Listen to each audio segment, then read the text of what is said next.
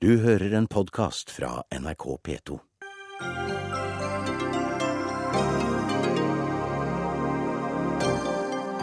Også i dag starter vi Dagsnytt 18 med referat fra Oslo tingrett, der pårørende, pårørende brast i gråt da Anders Behring Breivik fortalte om planleggingen og gjennomføringen av terroraksjonen. Vi har opplevd de verste timene i norsk rett noensinne, sier kommentatorene. Forbudet mot å kringkaste Breiviks forklaring virker mot sin hensikt. Det mener debattredaktøren i Bergenstidene.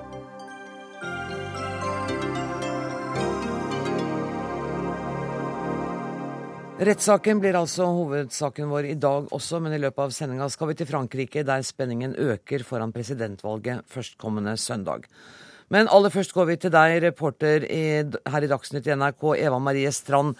Du har fulgt rettssaken fra sal 250 i Oslo tingrett i dag, der Anders Behring Breiviks forklaring altså skapte svært sterke reaksjoner. Hva var det som utløste det? Det var når Breivik fortalte hvorfor ungdommene på Utøya var det han kaller akseptable mål. For han brukte en gjennomgående teknisk måte å fortelle hvordan han ville ta livet av flest mulig på. Han eh, sa at målet var å drepe alle. Han sa også at han angra ikke på noe av det han hadde gjort, og han ville gjort det igjen. Eh, han, hadde, han, fortalte også om groteske planer på hvordan han hadde sett for seg regelrett henrettelser på Utøya. Og at han hadde planlagt å filme det, noe han eh, ikke fikk gjort.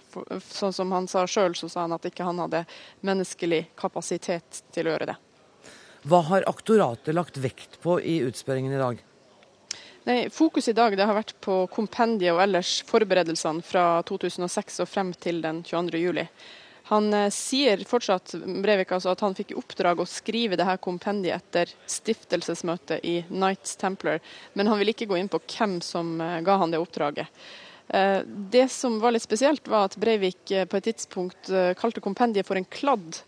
Og Da ble aktor ganske overraska og spurte om han ikke hadde vurdert å skrive ferdig kompendiet eller redigere det ferdig før han drepte 77 mennesker.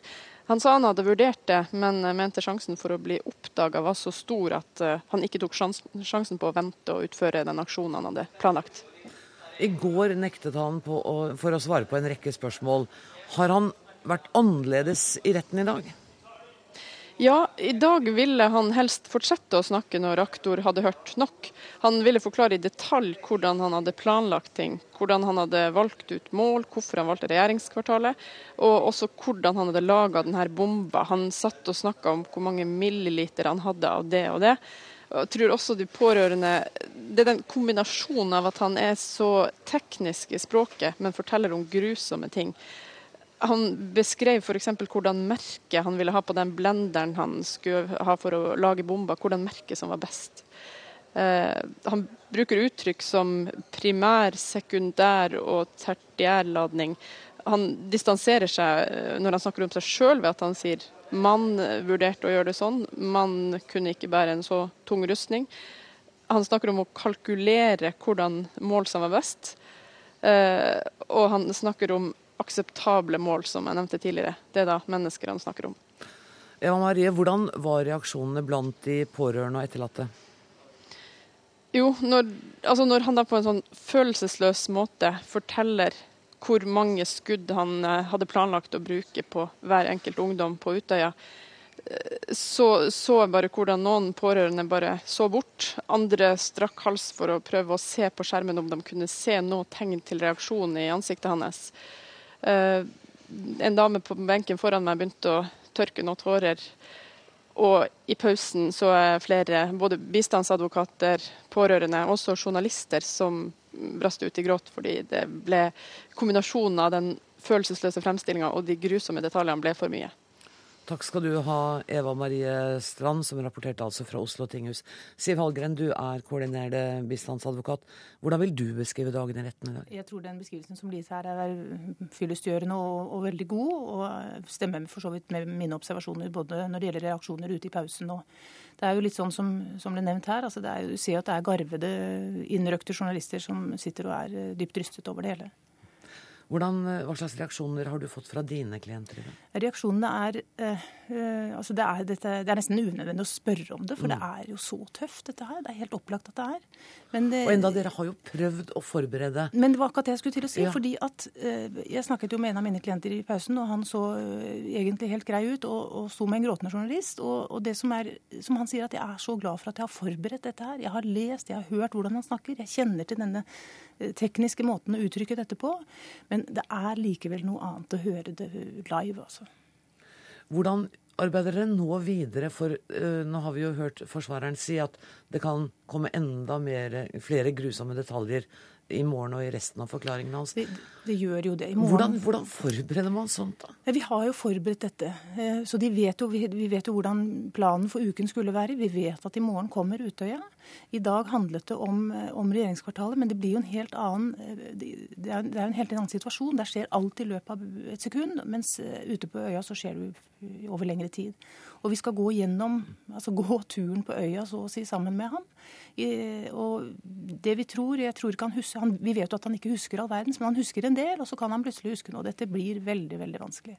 Og så vet man jo heller ikke i, i, hvilken detaljgrad han ønsker å forklare seg i morgen? Nei, det vet man jo aldri. Men ut fra, altså jeg er enig i denne observasjonen, for han satt i går og, og husker til dels at Til dels ville han jo ikke svare.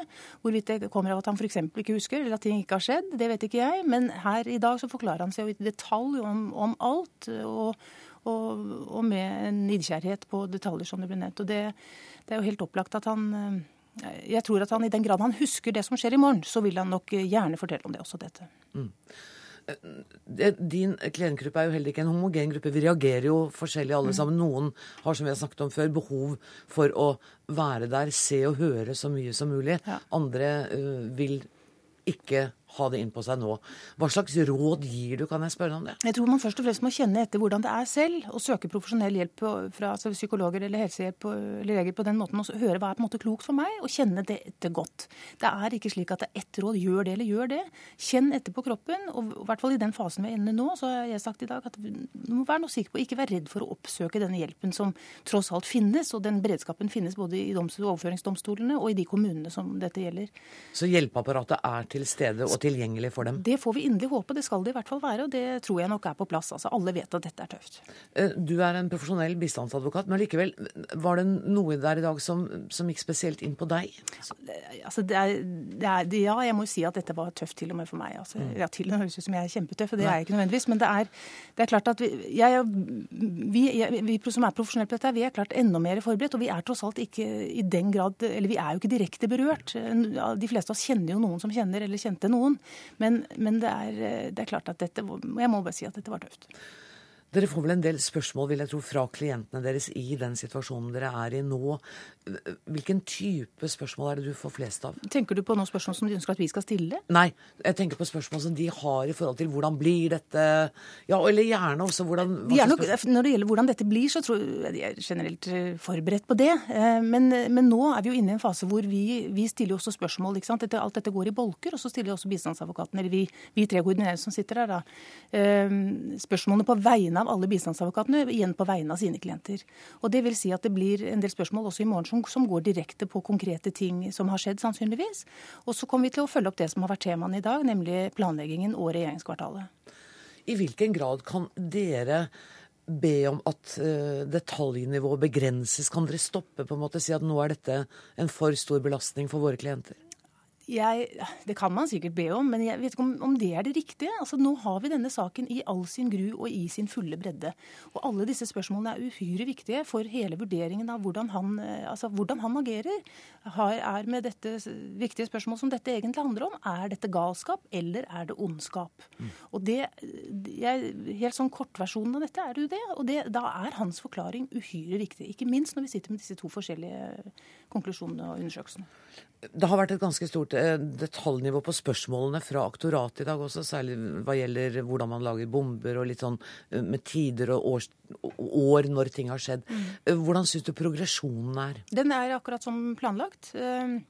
Vi kommer nok i land med, med, Utøya i morgen, tror jeg. Og så er mandagen fortsettelsen av det. Og en del andre temaer som måte, blir mer oppsummeringsmessig, slik det ser ut per nå. Tusen takk for at du kom til Dagsnytt 18, Siv Hallgren. Både pårørende og bistandsadvokater har altså hatt en tung dag i retten etter at han har forklart seg om eh, forbrytelsene den 22. juli. Forsvarer Geir Lippestad har tidligere advart mot at terroristen vil komme med støtende uttalelser, og forsvarer Lippestad sa dette til pressen i ettermiddag. For meg så er jo dette beskrivelser jeg har hørt mange ganger før, og jeg har hørt mange verre beskrivelser. Det kanskje kommer verre beskrivelser. Så, så, så, jeg tenker mitt om det. Han har, eh, slik som jeg eh, opplever det, eh, forklart seg i avhør på, på enda mer utfyllende måte enn det vi har hørt i dag. Det har han. Magnus Takvam, politisk kommentator her i NRK. Hvordan framsto Breivik mens han la ut om disse grusomhetene i dag? Er jo det samme som de fleste har pekt på i dag, nemlig en eh, enorm kontrast. En tilforlatelig eh, eh, kald måte og detaljert måte, opptatt av små, pussige detaljer eh, når han snakker om helt groteske og, og forferdelige ting. Eh, henrettelse av Gro Harlem Brundtland. Eh, som han ville filme? Ja. Så det er nettopp denne kontrasten mellom eh, måten han snakker om det på, måten han er på, og eh, innholdet i det som eh, blir framført, som muligens ikke er overraskende, men når man får det så, så nært innpå seg, så, så, gjør det et helt spesielt inntrykk. Tok han ansvar i dag for handlingene den 22. juli? Ja, han har jo konstruert en, en ramme rundt dette som, som, gjør at han faktisk ikke gjør det. Og noe av det mest absurde i dag, syns jeg, var jo denne historien om at han nærmest var nødt, og han og andre militante nasjonalister var nærmest nødt til å gå til den typen våpenaksjoner fordi europeiske myndigheter har, har blandet inn for mye kalk i eh, kunstgjødsel, slik at de ikke er effektive nok til å lage bomber. Eh, slik at han la på en måte ansvaret, hvis man skal ta, ta det bokstavelig, på myndighetenes eh, regler for, eh, for, eh, å begrense muligheten for terrorisme ved kunstgjødsel. Han ga ansvaret for at de gikk til den typen aksjoner på, på sånne ting. Sånn at den typen forklaringer er, er det nok er, er fulgte psykiaterne med på. Jeg mm. mener det, det, går jo igjen i alt han sier. AUF-erne var egentlig ansvarlig for det han gjorde, fordi de er påtatt seg tillitsverv, og de er eh, marxister og for masseinnvandring osv. Så, videre. så det er systematisk ansvarsfraskrivelse på det personlige plan. Marie Simonsen, er du enig Du er politisk redaktør i Dagbladet, si også, men er, er, du enig i den beskrivelsen som Magnus Hakam her gir? Ja, det, det var veldig godt beskrevet alt det som har vært sagt hittil. fordi at selv om Lippestad hadde forberedt oss på det, så var det plutselig som om ondskapen kom inn i rommet. Det var, som, det var en som beskrev som Der åpnet porten til helvete seg. Eh, vi har jo lest eh, det. Vi har lest psykiaterrapporter. Vi har eh, det har vært lekkasjer fra avhør osv., og, så videre, og Lipstad har som sagt fortalt det. Men likevel, det å se han sitte der så uberørt, så distansert i forhold til dette her, forklarer forklare like mekanisk og detaljert om hvordan han kjøper kunstgjødsel, som hvordan han velger ut kuler som skal skade mest mulig. Det er grufullt å høre på. og, og, og det var jo som, eh, som eh, Takvam sier, at psykiaterne fulgte nøye med på dette her og så at, at han brukte begreper og, og, ting som kanskje tydet på en alvorlig person, personlighetsforstyrrelse. Nå er ikke jeg psykiater, men, men det er klart at, eh, at, eh, begge de to rapportene skal vi huske på, selv om tilregnelighetsspørsmålet nå er da eh, ikke avklart. De påpeker jo at, at, han har alvorlige personlighetsforstyrrelser, så vi bør kanskje ikke være overrasket. Men syns du det var en stor forskjell i måten han opptrådte på i dag i forhold til i går? Det var det, fordi at uh, vi har sett ham nå i flere dager og sett at han har vært til dels rasjonell. Uh, han har vært uh, Han ble kjørt ganske hardt, men, men likevel vært til stede og bestemt når han ikke ville svare, osv. Og så dukket plutselig en eh, helt annen personlighet opp når han skulle forklare seg om regjeringskvartalet, og dels om det som skjedde på Utøya. Takk, Vam. Det har jo vært framme tidligere at når det gjelder fakta, så har det vært uenighet mellom forsvarer eh, og eh, aktorat omkring eh, dette nettverket, dette korsfarernettverket som, som de antagelig mener er en innbilning eller en løgn. Men i tillegg i dag så var det i hvert fall interessant også i den psykiatriske sammenhengen å observere dette med når radikaliseringen skjedde. For her er det også tydelig en uenighet mellom partene, nemlig om om han, sånn som han forklarer seg, så, så, var hele denne innlukkingen da han flyttet hjem til mor og begynte med datamaskiner og World of Warcraft, nærmest et strategisk trekk i forhold til det som skulle komme senere. Mens det er tydelig at aktoratet muligens i hvert fall mener at han ble inspirert og, og eh, på en måte psyket opp gjennom denne sosiale isolasjonen og dette, data, dette datauniverset, der hvor han både kopierte våpentyper, rifleløp eh, osv. fra et data en dataverden. Sånn at det er et uenighetspunkt. Hvordan oppsto liksom eh, ideen eh, og, og, og, dermed etter hvert planleggingen av terroraksjonen? Klarte aktoratet å pulverisere noe av hans argumentasjon der? Altså, jeg syns i hvert fall at uh, hans forklaring om at dette var bare under... Altså den bagatelliseringen han gjorde av det, at det var en slags sånn tilforlatelig underholdningsgeskjeft han drev med når du sitter døgnet rundt 16 timer og 17 timer på en nyttårsaften, så tyder det jo på at det er noe mer. ikke sant? Han, han er veldig opptatt av at han, han sier stadig til aktoratet at nå latterliggjør dere meg. Eh, så han eh, blir veldig krenket av dette at de f.eks. påpeker at han tilbrakte nyttårsaften med å spille World of Warcraft istedenfor å henge med venner som andre unge, unge mennesker gjør. Eh, alle disse tingene. Så, så, hver gang de plukker på hans liksom, grandiose tankegang og, og, selvbilde om seg selv, så blir han, blir han veldig irritert. Men jeg syns samtidig at aktoratet gjorde en ganske god jobb med å sannsynliggjøre at, uh, at denne radikaliseringen hadde skjedd senere enn han selv påstår. Harald Stavlen, advokat. Var det riktig å la Breivik legge ut i detalj om hva han hadde planlagt å gjøre på Utøya? Ja, jeg mener det var viktig. Eh, og det er nødvendig. Fordi saken må opplyses best mulig. Og den planleggingen han eh, redegjorde for i dag, den er det nødvendig for eh, psykiaterne å få. De kjenner jo en del til dette, for de har jo snakket mye med han. Domstolene kjenner ikke til dette, og det er psykiaterne som skal råde i domstolene. Det er ikke mulig og heller ikke nødvendig å sette ord på hvor ille det han beskriver, er. Men eh, når vi da sitter med to sakkyndigrapporter som spriker, og er kommet til eh, forskjellige konklusjoner, så blir jo forklaringen til Behring Breivik desto viktigere. Og ikke bare hva han sier, men hvordan han sier det. Hvordan han eh, agerer og opptrer. Når han smiler, altså på hvilket tonefall han har. Alt dette har betydning og vil bli en del av, er en del av brikkene som de sakkyndige skal, eh, skal, sette sammen. Så jeg tenker at dette med, med, planleggingsfasen er kanskje enda viktigere for dem enn akkurat utførelsen av handlingene, for det kan man tenke seg, det kjenner man resultatet av. Men, men eh, den faktiske planleggingen, hvor omfattende den var, og ikke minst hvordan har han tenkt? Altså En ting er hva har han gjort med planlegging, men hvordan har han tenkt? i forhold til denne planleggingen. Og det, det, tror jeg altså Det er jo tankene hans og hodet hans vi nå skal eh, sakkyndige, de sakkyndige skal granske og finne ut av.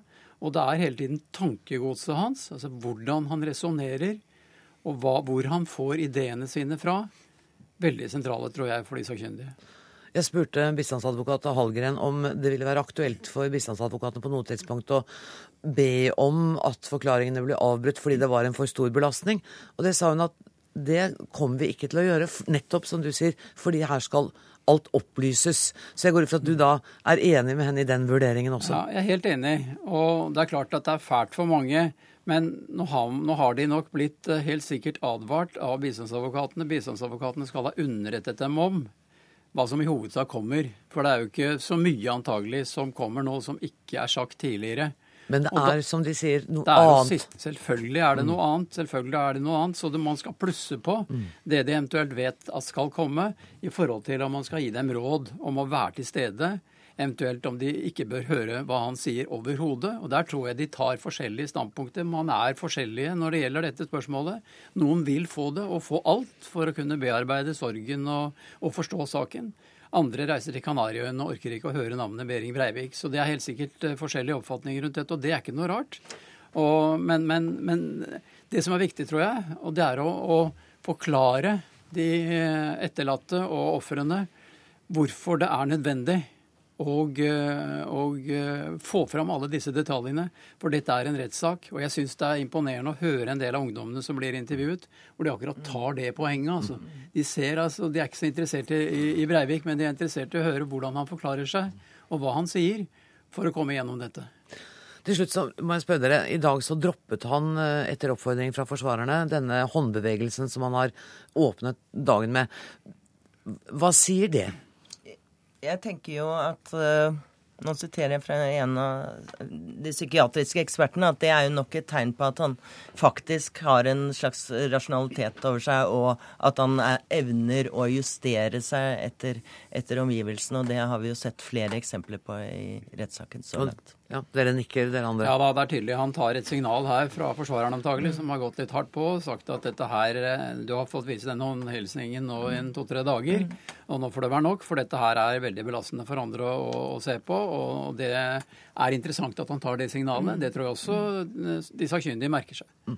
Tusen takk til advokat Harald Stabel, Magnus Takvam og Marie Simonsen, henholdsvis fra NRK og Dagbladet. Vi har allerede vært eh, innom det psykiatriske eh, og som vi har hørt, så ønsket altså Behring Breivik å gå enda lenger den 22. juli enn hva han faktisk gjorde. Og nærmest, hvis vi skal tro det vi har hørt nå, uten å fortrekke en mine, så skildret han i dag voldsfantasier så grove at det er nesten vanskelig å forstå. Pål Hartvig, eh, psykiater, velkommen i studio igjen. Hva har dette å si for vurderingen av hans psyke? Jeg har det handikap at jeg ikke er til stede i retten, men jeg er nokså nøye med å lese NRKs nettside, så jeg vet jo iallfall hva som er sagt, selv om jeg mangler den dimensjonen å være til stede.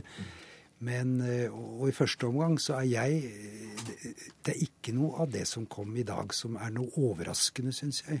Det er ikke kommet noen vesentlig eh, endring inn i saken og forståelsen av hans tilregnelighet eller ikke tilregnelighet foreløpig. Men det du ellers spurte om, gjenta det. Ja, det er litt om hvordan dette, dette språket, denne distansen, at han snakker om seg selv i tredje person, han sier mann, eh, hvordan han bruker tekniske ord eh, til å beskrive de mest groteske handlinger. Bidrar det til å diagnostisere ham? Bidrar det til å gjøre det lettere? Det bidrar iallfall til å utdype det inntrykket begge de to parene sakkyndige har, at dette er en grov mental forstyrrelse. Eh, og eh, det er ikke tvil om at for oss som ikke har hørt eller lest dette før, så bidrar dette til å utdype inntrykket av ham. Eh, Forsvarer Geir Lippestad fortalte i ettermiddag pressen at han har snakket mye med klienten sin om hva, han, hva som bør sies, og hva som ikke bør sies. Vi skal høre et lite klipp fra det. Vi har sagt veldig veldig mange ganger til han at han ikke har noen plikt til å forklare seg, og, og at han bør tenke gjennom om han bør forklare seg. Og vi har forklart han ulemper og fordeler ved det. Og det gjør vi selvfølgelig også før rettssaken. Men, men eh, han uh, har et uh, sterkt ønske uh, om å forklare seg, og da gjør han det. Og, og så må det bli opp til eh, de fire herrene som sitter, eh, sitter her, da, psykiaterne, å komme med noen vurderinger av hvordan, eh, hvordan dette egentlig er å fortolke. Det at han har sterke narsissistiske trekk, det er det ingen av psykiaterne som er uenige om. Er dette her på en måte fullbyrdelsen av det narsissistiske, å få lov å stå og være sentrum? Det kan være det. Jeg, jeg tror kanskje det er den sterkeste drivkraften i ham, akkurat dette. Riktignok så har han jo lidd nederlag på en del måter, men likevel har han jo ikke gitt opp med å prøve å fullbyrde sitt budskap, og, og, og, det gjør han da på sin måte i dag. Du må hjelpe meg med å forklare et par uttrykk som han har hørt, og som mange av oss eh, er litt ukjente med. F.eks. uttrykket 'avemosjonalisering'. Hva er det, og hvordan bruker dere psykiatere det? Jeg har aldri brukt det, iallfall. Men det, det betyr jo at man følelsesstripper noe. Man tar bort emosjonene. Altså, og, så, så, så, det er jo det det må bety. Og det er ikke noe dårlig uttrykk. Men, men jeg har aldri brukt det, og jeg tror ikke jeg egentlig har sett det heller. Så om det er en såkalt neologisme Nyskapning? nyskapning det, det, det, vet jeg ikke. Det jeg må bare avsløre at, at jeg, jeg, kan ikke si mer enn det. Det er ikke uten, det er ikke uten Nei, jeg mener, det er, det er ikke uten innhold. Nei. Det er ikke det. Nei. Refleksjonshjernen, hvilken del av hjernen er det? Nei, da mener vel da det som man skiller mellom høyre og venstre hjernehalvdel, nemlig den såkalte kognitivt fungerende delen av hjernen, da, i motsetning til den mer emosjonelt fungerende. Det må vel være det han mener. Jeg har aldri hørt det uttrykket, heller jeg. Nei. Nei. Han har kanskje laget seg noen ord. Og så snakket han eh, også åpent i dag om hvordan han har brukt eh, trening i kombinasjon med steroider. Ja. I kombinasjon med selvhypnose. Ja. Jeg så det, og, og, og, det er interessant. Og siden du nevner det med steroider, så er jo det interessant og har vel vært berørt og tenkt. Både steroider og eh, sentralstimulerende midler som han angivelig psyket seg opp med, kan selvfølgelig ha påvirket hans sinnstilstand under gjerningstiden. Det er imidlertid ikke noen grunn til å regne det som en uh, utilregnelighetsgivende uh, sinnssykelig tilstand. Okay. For det er den selvpåført. Og da sier uh, lovens paragraf 45 at det er ikke strafffritagende. Man, man, man, man blir ikke utilregnelig av det, selv om man i øyeblikket kan være særdeles unormal og kanskje være i en psykotisk tilstand. Så, så, selv om han skulle ha vært i en psykotisk tilstand ja. som et resultat ja. av disse stoffene, ja. så, han, så, er ikke det nok til nei, å kjenne ham utilregnelig i henhold til loven? Loven er eksplisitt på det området. Du har ikke vært i salen enda, men nei. er det noe ved det du har fått referert fra hans atferd som Det er kanskje litt tidlig å spørre deg, men er det noen trekk her som du kan si er typisk tilregnelige eller typisk utilregnelige? Det, det, er klart at han, han jo han, han, kan ikke ha en såkalt fulminant, som det heter, altså blomstrende sinnssykelig tilstand. For da hadde han ikke greid å fremtre så rasjonelt som han gjør, med evne til å ta ytre signaler osv. Og, så og også hele forløpet og hele gjennomføringen av gjerningen taler jo for at de aller fleste av oss trodde at de første sakkyndige ville anse ham som eh, eh tilregnelig. Eh, på den annen side så er jo det, for å si det på nytt, det er to eh, meget erfarne klinikere som har erfaring ikke bare fra rettspsykiatri, men fra bedømmelse av psykose, grad av psykose, behandling av psykose fra klinisk virksomhet. Og det er veldig rart om ikke de har fått eh, noen relevante innfall. Imidlertid, om det er nok, om det er nok til å svare til straffelovens eh, noe uklare eh, betegnelse, nemlig eh, utilregnelig eller psykotisk i straffelovens forstand, det er ikke godt å si. Og det er dette som er så spennende. Så jeg synes at han gir på en måte litt mat til begge leire her i, i, sin, i sin fremtreden. Og det blir altså opp til retten å avgjøre dette? Det skal det alltid være. Tusen takk for at du kom i studio, Pål Hartvig, psykiater.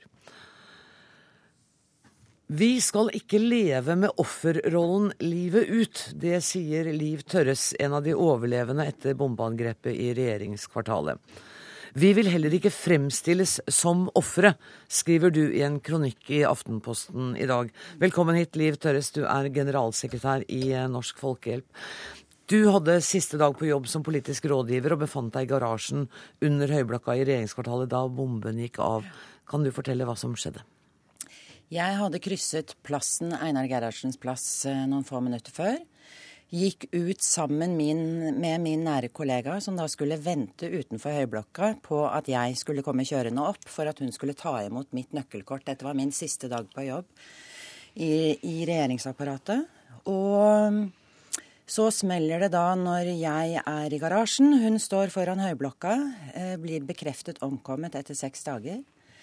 Eh, jeg eh, klatrer opp fire halve etasjer. Kommer ut på plassen ja, noen få minutter etter at det smalt. Og var uskadd, eller? Jeg var uskadd, ja. Hva gjorde du da? Eh, jeg tror nok Altså I ettertid så vet jeg ikke hvor mange minutter det tok før jeg begynte å, å telefonere. Altså ringte Eh, statsråd, depperåden, for å varsle, si fra at her måtte det tilkalles eh, hjelp. Men det var det første jeg gjorde. Etter selvfølgelig at jeg hadde Altså det inntrykket som, som jeg fikk når jeg kom opp og så mot høyblokka hvor Hanne Løvli hadde stått for å vente på meg, var jo et inntrykk av dørgende stillhet. Og Ingenting som rørte på seg på bakken. Eh, jeg så ikke Hanne, og jeg kunne se tvers igjennom høyblokka. Ganske mange etasjer opp. Det gjorde jo at jeg skjønte at sannsynligheten for at Hanne hadde overlevd, var relativt liten. Og ja, så det tok nok eh, noen sekunder eller et par minutter før jeg fikk, tok inn hele det inntrykket, og så begynte jeg å ringe.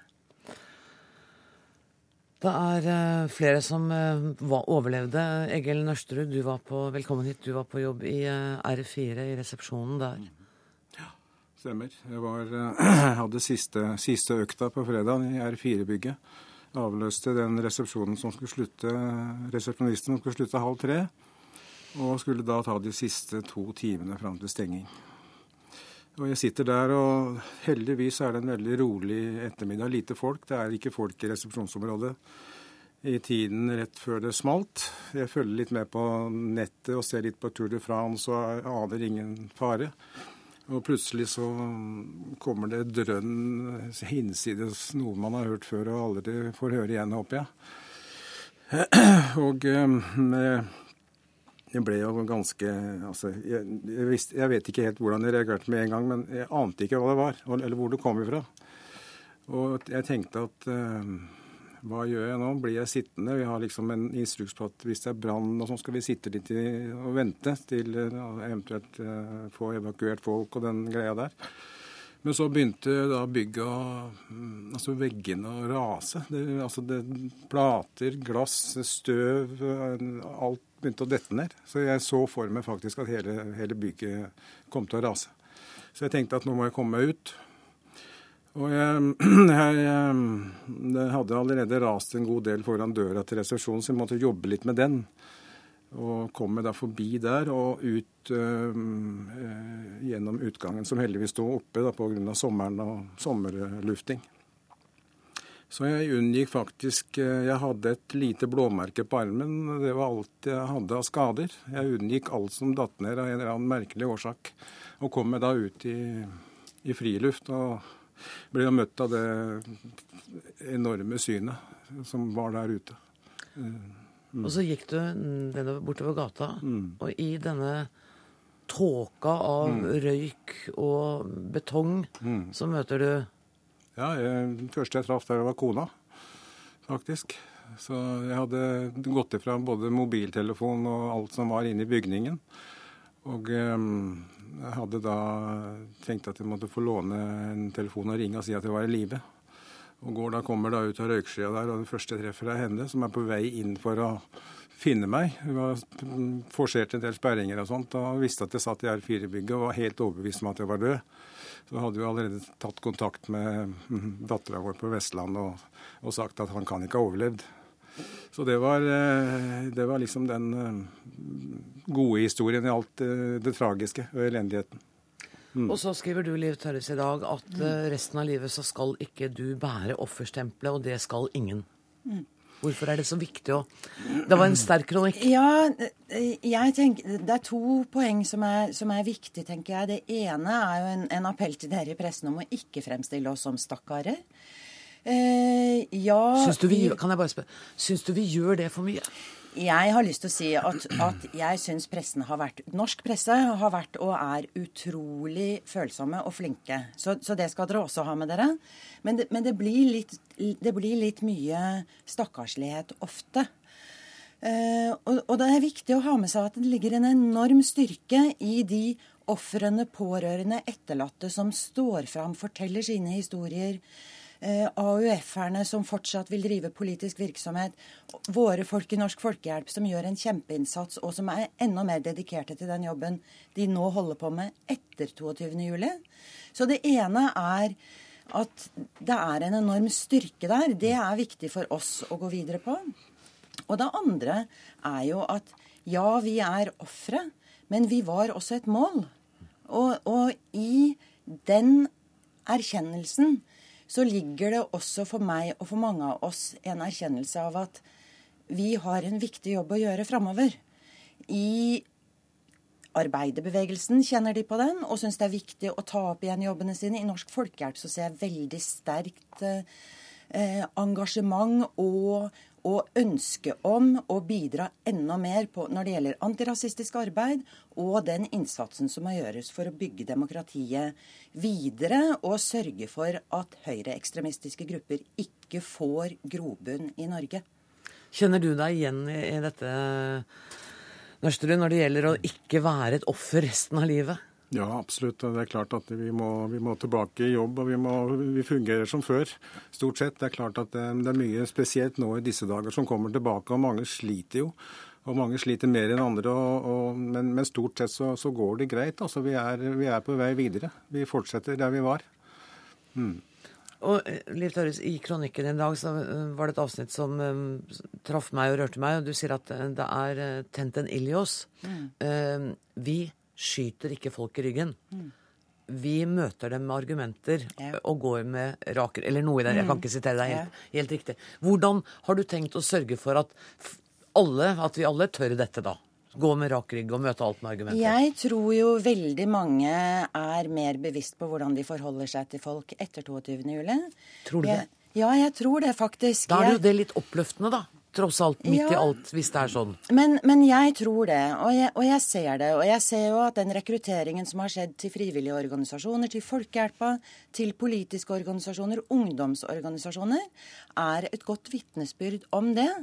Jeg tror veldig mange skjønner nå og, og er mer bevisst på at vi må drive antirasistisk arbeid. Vi må inkludere på en helt annen måte i Norge, nettopp for å sørge for langt mer offensivt integreringsarbeid for å sørge for at det ikke skapes grobunn for disse kreftene.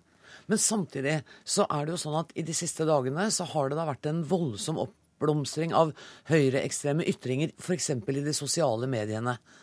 Ja. Og da er jo noe av diskusjonen hvor, hvor, mye skal man bruke krefter på å gå inn og argumentere på alle disse stedene? Vi skal bruke mye krefter på å gjøre det. Vi skal kjempe hardt imot de bølgene som vi nå ser på nettet, og som vi ser i andre fora. Tusen takk for at dere kom til Dagsnytt 18 på en eh, svært vanskelig dag, Egil Nørstrud og Liv Tørres. Og eh, Nørstrud, ja, jeg vil gjerne at du eh, forresten sitter litt til, for vi skal fortsette å snakke om rettssaken. Men nå om det faktum at den altså ikke kringkastes, i hvert fall ikke eh, Behring Breiviks forklaring. For i to runder har retten avgjort at forklaringen ikke skal eh, formidles til allmennheten. Men nå som rettssaken er godt i gang, og de i rettssalen ser hvordan han fremstår, så virker den, dette forbudet mot sin hensikt. Det mener bl.a. du, Hilde Sandvik, som er kultur- og debattredaktør i Bergens Tidende. Ja, altså eh, det har vært merkelige og, og, og sterke dager òg for eh, alle oss som har sittet på utsida av rettssalen. Eh, det som jeg tenker har blitt tydeligere i løpet av disse dagene òg, er hvor problematisk det er at alt Behring Breivik sier, måten han ter seg på, må filtreres gjennom journalister og kommentatorer og stenograf, stenografer som sitter og noterer ned det han sier. Jeg mener at det er, er en utfordring, eh, fordi det Behring Breivik gjorde, var å gå til angrep på hele det norske folk den 22. Juli, juli altså det norske, det norske sosialdemokratiet under angrep. Og da opplever jeg det problematisk å ikke kunne se og høre han uformidla i retten. Men det refereres jo ord for ord fra rettssalen. Du går jo ikke glipp av en eneste setning. En går glipp av alt det som ikke er ord for ord, men en går glipp av kroppsspråk. Når eh, kommentatorer skriver at han gråter, at han oppfører seg som et barn, så ønsker jeg å se hva er disse tårene? Jeg ønsker å se hva er det som gjør at dette barnet kommer fram. Dessuten så er det jo faktisk sånn at han har regien hele veien. Han inkludert denne hilsenen, som er sterkt ubehagelig. Den har han altså regien på. I det øyeblikket aktor overtar, og han mister regien, så mister jeg òg han av syne. Regissør og forfatter Ulrik Rolfsen har eh, skrevet i dag at ved å ikke overføre Breiviks forklaring, så kan man begrense muligheten for at han skal bli en slager på YouTube, i hvert fall. Det, det kan du si, men han er, han er jo allerede en slager på YouTube. Eh, og så er det òg noe med det at det kommer alltid fryktelig mange eh, reaksjoner og, og, um, altså, eh, rundt den type saker. Og det som er òg spesielt, at en av grunnene, en av de gode begrunnelsene for at en ikke skal filme, var hensynet til pårørende, som òg faktisk nå sitter i salen og ser. Uh, og jeg syns det var veldig sterkt å høre Siri Sønsteli, tror jeg det var, som sa at det å lese han ord for ord opplevdes mer skremmende for henne det enn det å faktisk se han og høre han. Trond Blattmann, du er leder for eh, støttegruppa etter 22.07. Eh, og det er ingen tvil om hva du mener om dette forbudet. Men når du hører at andre sier at det er mer skremmende å lese ham enn det er å se ham, ser du at det kan være et argument for at han bør kringkastes? Altså, Folk må ha de følelsene de har. Men det som er min store bekymring, det er at denne mannen skal kringkastes hele dagen. Der kommer barn hjem fra skolen. Eh, tiåringer, elleveåringer, tolvåringer, ja kanskje syvåringer. Og så skulle de hørt den forklaringa som vi fikk i salen i dag. Hvem skulle tatt ansvar for å snakke med de om det? Hvem skulle tatt ansvar for at han snakka om ja, Jeg har nesten ikke lyst til å bruke ordene engang, for det var for tøft. Eh, det må også eh, journalistene ta hensyn til.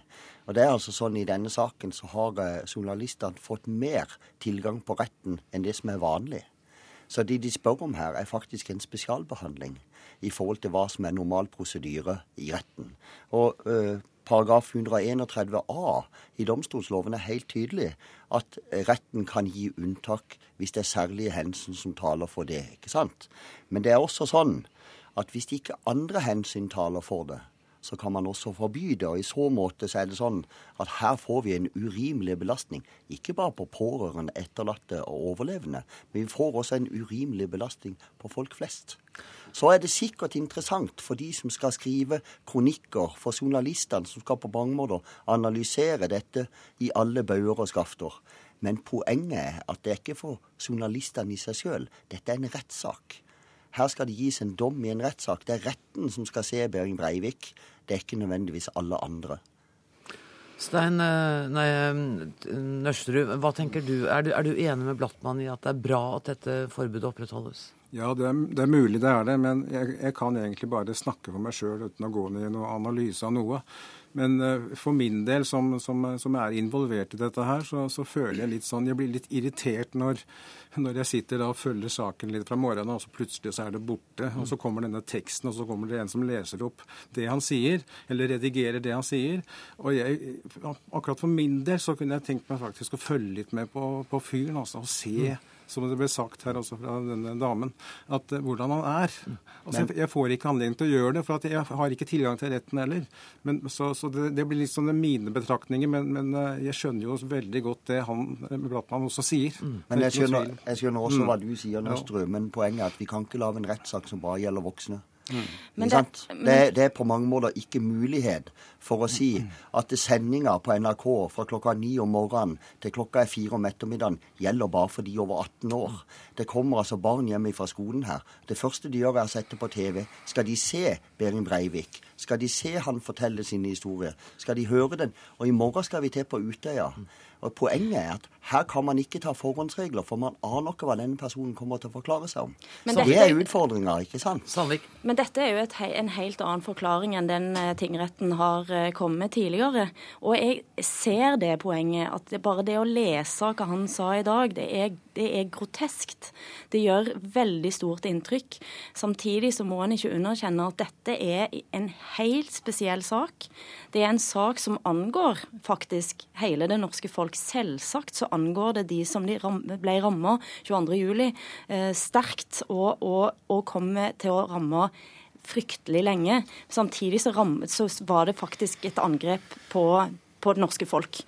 Og, og det er også et, et, annet argument her som lå bak da tingretten først eh, kom med forbudet, var nettopp dette utilregnelighetsargumentet. Nå har en to rapporter eh, som gjør òg at dette blir, en, dette blir, en, stor diskusjon i løpet av rettssaken. Ikke desto mindre så er det mye av den diskusjonen kommer til å handle om hos, nettopp hvordan han framstår. Og Jeg syns det er problematisk at jeg skal filtreres gjennom kolleger som jeg absolutt har tillit til, eh, men som igjen fører til denne store metadebatten som en allerede har sett. Ja, men, Hvem er disse journalistene som hever seg opp? Men, men da har jeg lyst til å si at jeg snakka med garva journalister i dag som har fulgt eh, kriminalrettssaker i 30 år, som sleit når de kom ut av salen. Mm. Og så sier jeg hva sier du nå? Ja, nei, vi måtte jo selvfølgelig sensurert dette. Hvem er det som skal sitte av journalistene og bestemme hva som skal sensureres når det sendes fra klokka ni til klokka er fire hver eneste dag? Vil du gjøre det? For det ville ikke han. Nei, og det er utfordringa her. Vi vet ikke hva som kommer. Mm. Og så sier jeg, og det må jeg få lov å si, jeg er altså her for å ivareta de etterlatte, de pårørende og de overlevende. Jeg er ikke journalist. Og jeg har min selvsagte rett, min ytringsfrihet, til å si hva jeg må gjøre for å ivareta mine medlemmer. Retten er enig med meg, og jeg tror vi har sett i dag hvorfor retten var enig med meg. Den forklaringa hadde ikke egna seg på en TV-skjerm. Du spurte hvem skal sitte der og, og, sensurere, og da er det helt naturlig å snakke med nyhetsredaktøren i NRK, Stein Bjøntegård, for det var nettopp det du gjorde første dag i retten, hvor vi altså hadde kringkastingstillatelse, men hvor vi allikevel valgte å ikke sende alt det som ble sagt eh, i eh, beskrivelsene i tiltalebeslutningen. Ja, og eh, vi har jo prinsipielt vært for at det er vi som skal ta de beslutningene. og Derfor så har vi også ønsket å sende fra hans forklaring. Og vi ville ikke ha sendt absolutt alt? I dag måtte vi ha sendt forskutt, dvs. Si at vi har lagt inn en forsinkelse på et par minutter og gått inn og tatt vekk det som vi mener ikke kunne kringkastes. Og noe av det som ble sagt derfra i dag, er helt opplagt at vi ikke kunne ha, eh, kunne ha sendt. Men det er fullt mulig. Ikke spesielt vanskelig engang. Altså, Så da går det på hvilke men, retningslinjer vi legger, legger men, til grunn. Men vi hadde en diskusjon i, i rommet her ute i stad på sofaen eh, her ute. Og da ja, den hørte jo da naturlig grunner ikke jeg. Nei, ikke sant. Nei. Og da snakka vi om ja, hvis man skulle gjennomføre en sånn sensur, hva kunne man sendt dagen i dag? Ja, fra noen av de som har vært i dette gamet lenge, så sa de da burde vi egentlig sløyfa hele dagen. I morgen skal vi til Utøya. Hvordan tror dere forklaringa blir der? Det å stenge all informasjon, er det bedre det? Det er en vanskeligere jobb, men prinsipielt så mener jeg det hadde vært en eh, riktigere måte å gjøre det på. Jeg vet jo ikke hva som kommer i morgen. Jeg, jeg, jeg skjønner at det, morgendagen blir en veldig vanskelig dag. Så jeg tror ikke at vi skal sitte her og være uenig i, i akkurat det. Og jeg tror for så vidt sånn sett at det kan godt hende at det hadde gått eh, ganske lange perioder i morgen hvor vi ikke hadde kunnet sende. Men det får være en, en del av problematikken som både vi og seere Eh, måtte ha akseptert. Eh, altså, fordi, at, fordi, at, vi faktisk har uh, et etisk ansvar for det vi sender ut. Da er det Sandvik, nå er det Sandvik. Ja, altså det, det, er jo nettopp dette redaktøransvaret redaktører benytter seg av hver bidige dag. Mm. Så, så, så, er det noe med altså Den viktigste jobben en gjør som journalist, som redaktør, er å redigere. Eh, Redigerings er det, altså det er både en, en, en, oppgave, og det er, det, som er, altså det er den viktigste oppgaven vi gjør. Mm. Så det å tenke seg at fordi at retten eh, gir ifra seg det redaktøransvaret som de nå på sett og vis da har tatt, så ville redaktøren ha oppført seg som, som helt uten eh, noe etisk ansvar. Det syns jeg òg er nokså problematisk. Bjørntegård, nå har NRK søkt om å få filme Breiviks reaksjon uten lyd, så vidt jeg har skjønt, under vitneforklaringen til pårørende og overlevende. Hvorfor det? Jo, fordi vi mener at uh, det er relevant å vise noen glimt av det. Det er jo ikke sånn at vi uh, ber om å få lov å, sende hans uh, ansikt hele dagen og hvordan han reagerer på alle ting, men det kan være relevant i enkelte sammenhenger å se hvordan han reagerer, fordi han reagerer ikke sånn som de fleste andre på de ulike tingene. Vi så jo det under uh, mandagen, da, da, han på denne propagandavideoen som han har laget selv, plutselig begynte å gråte.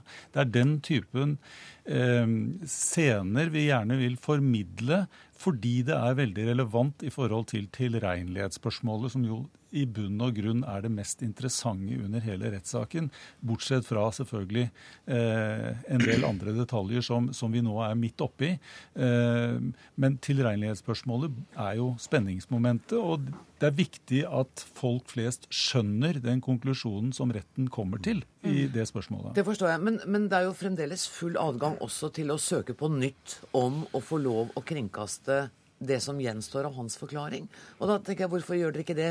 Hvorfor besøker dere med sånn begrenset adgang? Fordi vi har fått eh, nei to ganger. Første gangen eh, gikk det helt til Høyesterett, og så søkte vi på ny etter at eh, den siste psykiatriske rapporten kom, og da fikk vi nei på ny. Og da er det egentlig ingen grunn til å belaste rettsapparatet med den vurderingen en tredje gang, som ville ha blitt lik. Men jeg hadde for så vidt hvis noen hadde brukt andre argumentasjoner, hører Blattmann nå bruker en helt annen argumentasjon enn det retten har lagt til grunn for å nekte oss den kringkastingen. Det Men dette er jo ikke den viktigste tingen i, saken, i, denne saken. Det er jeg jo helt enig i. Mm.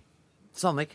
Nei, altså det er, det er, full mulighet for andre instanser til å gå inn og, og nettopp eh, med andre begrunnelser søke på nytt. Mm. Eh, men det er jo en stor og en tungvint operasjon. Da må Blattmann få siste ord i denne ja, runden. Jeg, jeg, tror det er viktig at publikum også forstår at det er faktisk gitt en del rettigheter til, til journalistene i denne saken som de aldri pleier å få. Det må også komme fram i dette bildet. Det er viktig nemlig å ikke få en forståelse at her er journalistene stengt ute på en helt urimelig måte. Tvert om. De har faktisk blitt innrømmet rettigheter som ikke er normale i vanlige rettssaker. Det må også komme fram i dette bildet. Og så syns jeg de forklaringene vi fikk i dag, tilsier hvorfor vi har det synet vi har. Og jeg syns konklusjonen til tingretten er veldig klok. Jeg håper ikke det blir til adgang til noen ting mer enn det som allerede er blitt gitt adgang til. Jeg er helt enig med Blattmann i om at vi, eh, tingretten har tatt et skritt i riktig retning. Og så håper jeg at vi får tatt flere steg senere. Tusen takk for at dere kom til Dagsnytt 18. Egil Nørsterud, Trond Blattmann, Hilde Sandvik og Stein Bjøntegård.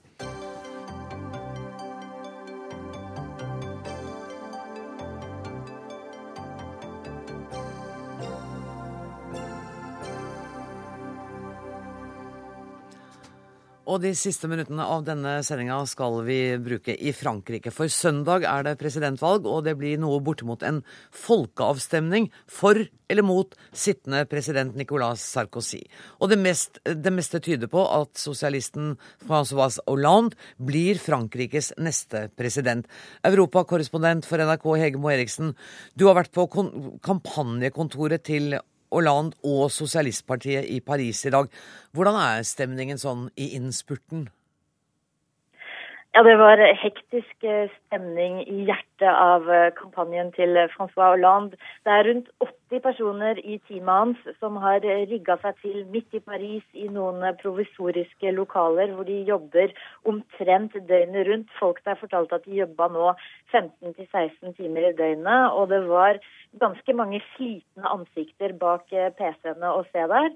Men det er klart, de føler selv at de er på vinnerens lag og har god tro på seier på søndag. Og det hjelper selvfølgelig på, på stemninga i leiren. Ja hva, ja, hva sier de siste meningsmålingene, da? Ja, De helt siste meningsmålingene sier at eh, president Nicolas Sarkozy har mistet litt av dampen. Han hadde jo et historisk dårlig utgangspunkt og lå lenge under på meningsmålingene. Han klarte å kjempe seg til en knapp ledelse ved første valgomgang for noen uker siden. Nå faller han litt på målingene igjen. Og så skal vi huske på at det er to valgomganger i Frankrike. Og alle målingene, alle som én, viser at sosialisten Francois Hollande vil slå Sarkozy ved andre valgrunde og altså bli valgets vinner. Og I dag så traff jeg en forsker som sa at uh, han kom til å spise hatten sin, det lovet han meg på teip, dersom Sarkozy ikke taper. Så så sikre er altså mange eh, forskere på at Sarkozy vil tape, selv om de fleste også sier at man kan aldri vite i fransk politikk. Og du vil vel innkreve det veddemålet hvis uh, det skulle gå sånn at han taper? Det har jeg selvfølgelig advart ham om, at jeg kommer til å møte 6. mai på kontoret hans dersom Sarkozy skulle vinne. Eh, vær med oss litt videre, Hege, for her i studio har jeg Raino Malnes, som er professor i statsvitenskap ved Universitetet i Oslo. Hvordan har denne valgkampen vært til nå?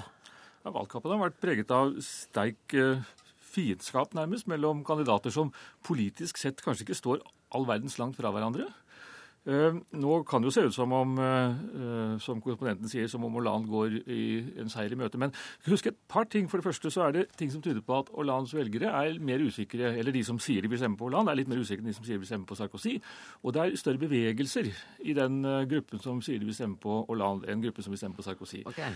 Så du kan, vil ikke vedde, du vil ikke noe, sagt noe at du vil spise noe hatt? La oss nå si at vi leker med den muligheten at noe helt uventet skjer. Det som kunne skje, var at Sarkozy fikk et noe større forsprang i første omgang enn meningsmålingene inntil de siste dagene har tydet på. De siste dagene tyder på at han kanskje vinner med 1% eller noe sånt. La oss si han vinner med 3 eller 4% Det kan gi mange velgere på høyresiden som ellers ville sittet hjemme, en ekstra grunn til å gå og stemme. Men det kan selvfølgelig også gi, og vil selvfølgelig også gi mange på venstre, velgere på venstresiden som er fristet til å sitte hjemme, en ekstra grunn til å gå og stemme. Så jeg tror nok altså, i likhet med med dem det er referert her, at er, hvis man kunne sette penger på noe, så må man sette penger på en seier for Hollande. Men den blir kanskje ikke så stor som meningsmålingene har tydet på. Mm. Eh, her hjemme har vi også fulgt eh, norske Eva Jolie med en viss interesse. Men Hege, eh, hun er helt ute av det nå, ikke sant? Ja, Hun uh, gjør en veldig dårlig valgkamp. Hun ligger nå på rundt 2-3% på meningsmålingene. Og det er jo mye dårligere enn partiet hennes Det Grønne hadde håpet på. Hun får uh, mye kjeft for å føre en dårlig valgkamp. Hun får uh, også en del usaklig kritikk, bl.a. kritikk for aksenten sin, kritikk for fargen på brillene. Hun har skiftet fra rødt til grønne briller. Eh, hun får eh, sterk kritikk for at hun ikke har de egenskapene som skal til for å hevde seg i en presidentvalgkamp, for at hun er en for dårlig taler, for at hun er utenlandsk og at hun er en kvinne. Slik at hun eh, har fått mye kjeft i løpet av denne valgkampen. Og så er det jo klart at eh, hun representerer et lite parti, og et parti som tradisjonelt ikke gjør det så veldig godt i eh, fransk valgkamp. Nå er det attpåtil krise i Frankrike, og mange franskmenn sliter med å, å, å se hvordan politikken hennes skal gjennomføres i et land som er rammet av krise. Ja, Det siste er viktig å huske. tror jeg. Hun ligger an til å gjøre det omtrent så dårlig som mange grønne kandidater har gjort det tidligere. Mm. Bl.a. den helfranske Dominique Ouanet ved forrige eh, presidentvalg. Så, og de som ikke stemmer på henne fordi hun eh, snakker med aksent, de har nok 100 andre grunner til å ikke stemme på henne likevel. Mm. Så, så, det er verken brillene eller aksenten, men, men, det er andre grunner. Det. Men, men, men Malnes, eh, la oss nå holde oss til de to hovedkandidatene, Hollande og Sarkozy. I hvilken stor grad vil folk flest merke forskjellen på de to? Ja, de som har høye inntekter, vil merke at skatten blir noe høyere hvis Hollande vinner enn om Sarkozy vinner. Og de som har riktig høye inntekter, vil kanskje merke at den blir ganske mye større, men de har så, så mye at det vil kanskje ikke gjøre så stor forskjell allikevel. Eh, eh, så vil eh, nok situasjonen for altså illegale innvandrere bli noe vanskeligere med Sarkozy som president enn med Hollande. Det vil være noen nyanseforskjeller kanskje i europapolitikken, men hvor mye det blir ut av Hollands øh, øh, løfter om å reforhandle krisepakker og sånt, det, det, gjenstår å se. Jeg tror, hvis vi skal dømme etter tidligere sosialistiske administrasjoner i, i, Frankrike, så vil ikke den politikken bli ført ligge veldig langt fra den politikken Sarkozy vil ha ført. Så man vil kanskje ikke merke så veldig stor forskjell. Vi er nødt til å sette strek for Frankrikes presidentvalg i denne omgang. Vi kommer helt sikkert tilbake til det. Det stemmes altså på søndag. Ansvarlig, Jeg må si takk først til professor Raino Malnes og til korrespondent Hege Moe Eriksen. Ansvarlig for dagens utgave av Dagsnytt 18 har vært Dag Dørum. Det tekniske ansvaret har Hanne Lunås. Jeg heter Anne Grosvold, og vi høres igjen om 23 timer. Takk for nå. Du har hørt en podkast fra NRK P2.